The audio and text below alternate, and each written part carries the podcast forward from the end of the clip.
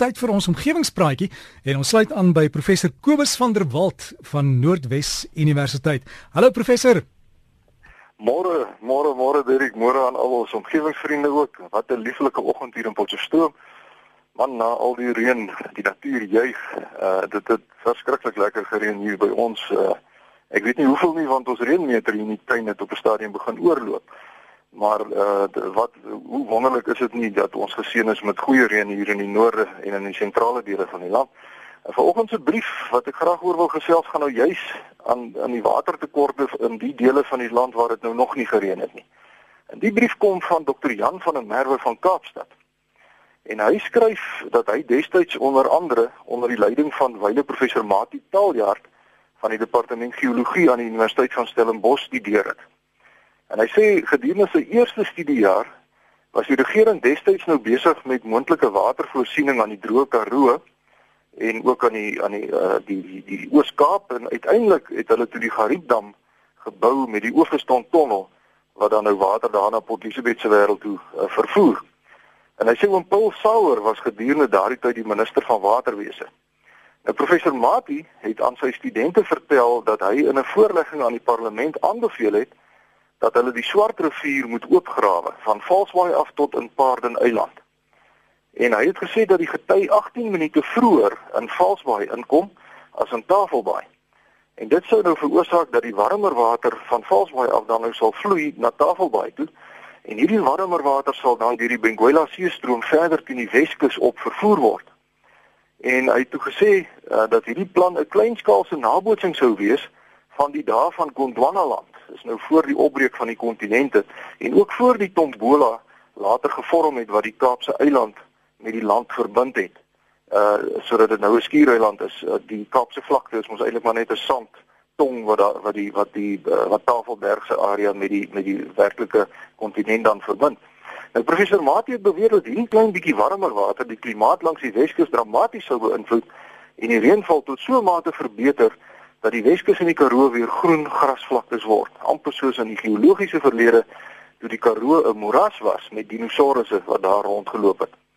En dokter van der Merwe sê die uh, die koste van so 'n kanaal van Valsbaai na Tafelbaai toe op daardie stadium was uh, dis nou so die middel 50er jare was omtrent 400 miljoen ehm um, wat min of meer dieselfde was as wat die Gariepdam sou kos. Maar na bewering het oom Paul Sauer in die parlement toe gesê dat ons nie met die werke van God mag inmeng nie en die voorlegging is toe afgekeur en hulle toe die Gariepdam gebou.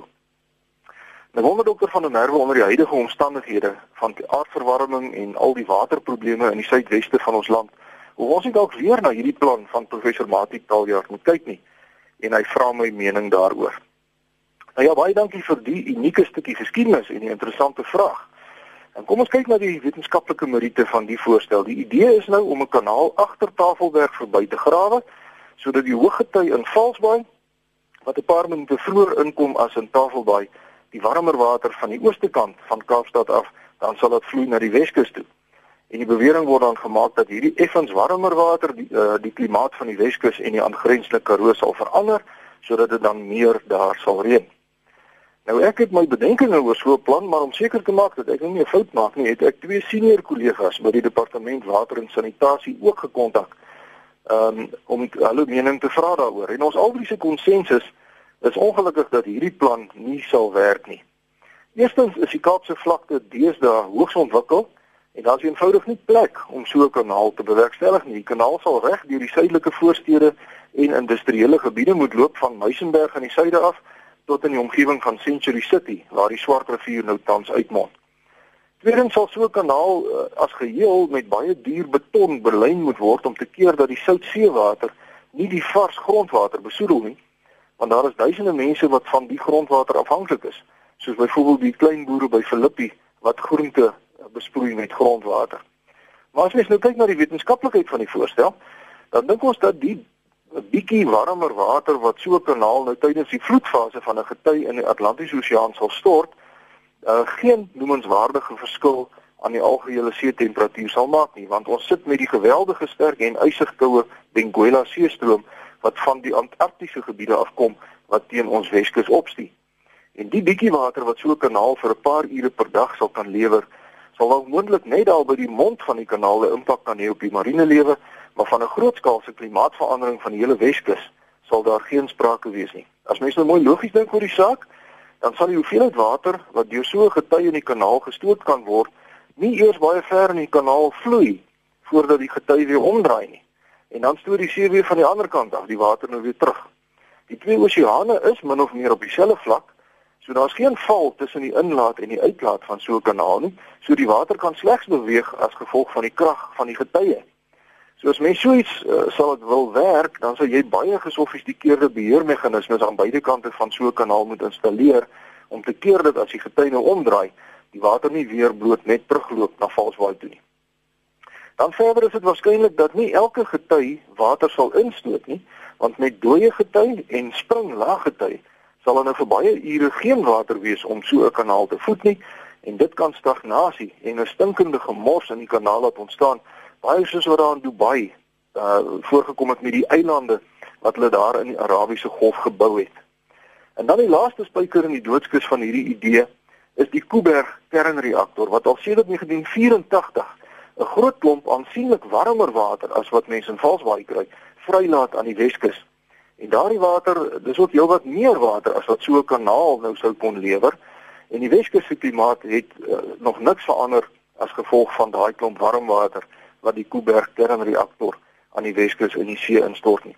So aan al die Kaapenaars en die mense wat die droë uh, Weskus bewoon, jammer vir die slegte nuus vanoggend, maar julle het menslik menslik gesproke nou slegs twee opsies, naamlik om water uiters spaarsamig te gebruik en dan ook om te kyk na bestaande tegnologieë soos die opvang van reënwater, uh kondensasie van water uit see mis uit.